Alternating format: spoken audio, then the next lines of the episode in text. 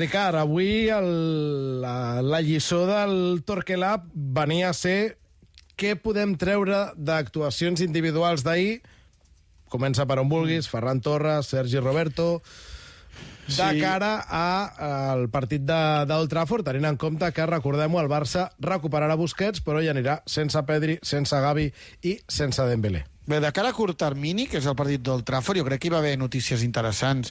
Eh, Xavi haurà de triar si, si mm, va per la línia dels quatre migcampistes, que fa la sensació que a la cursa té avantatge, o si el que vam veure ahir amb Ferran l'ajuda a jugar amb tres davanters, potser no d'entrada, però clar, eh, l'eliminatòria es decideix a 90 minuts i ha d'haver-hi moments per tot.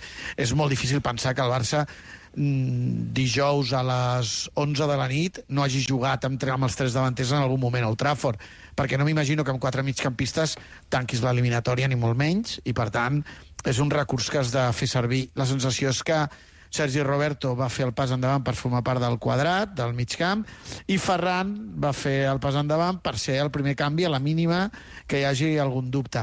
Tant com per si ho remourà això d'entrada a Xavi, eh, ho veig difícil. Però mm, jo també, jo, jo també faria una reflexió, perquè jo tinc molts dubtes i molt poques certeses en general, però eh, de cara a aquest partit encara menys, eh, menys certeses, perquè eh, el Barça, per què juga amb els quatre migcampistes? Per tenir més control del partit, no? per exposar-se menys... Amb els quatre migcampistes que jugaran, això serà possible contra un equip amb tant vertigen, eh, tan fort en la pressió, tan intens? Doncs aquí tinc un dubte.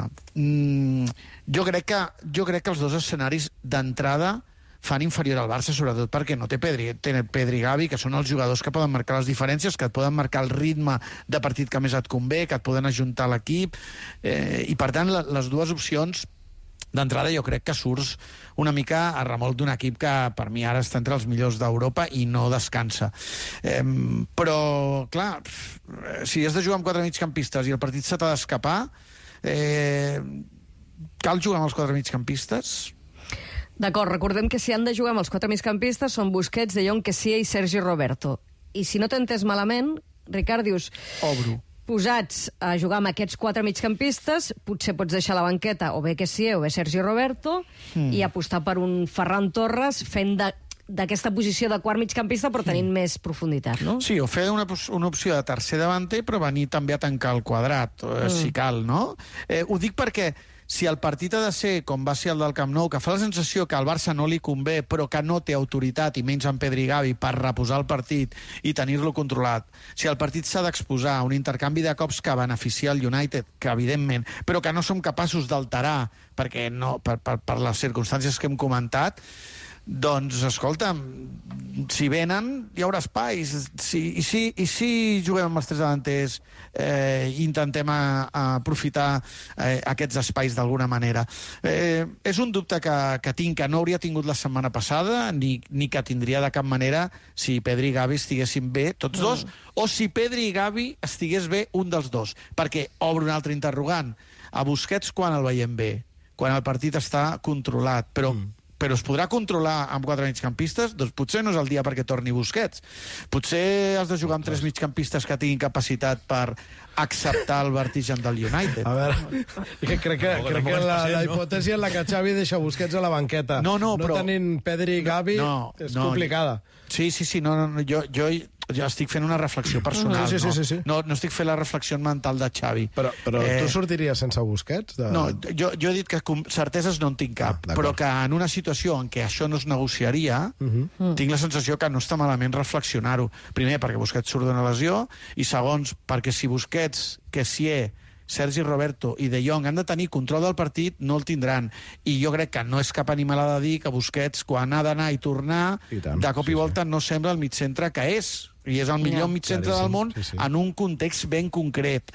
Aleshores, abans de desprendre'm de Kessie, que no, que no me'n desprendria mai en una situació original, eh, home, doncs, doncs hauria de valorar-ho, perquè tampoc sé com està Busquets i, i si les seves condicions físiques encara agreugen més la incapacitat per, per tenir esforços. Ara, si Xavi pensa que amb els quatre migcampistes pot tenir el partit on el va, on no el va poder tenir al Camp Nou, eh, a mi ja em convenç. Jo no tinc eh, cap dubte, aleshores.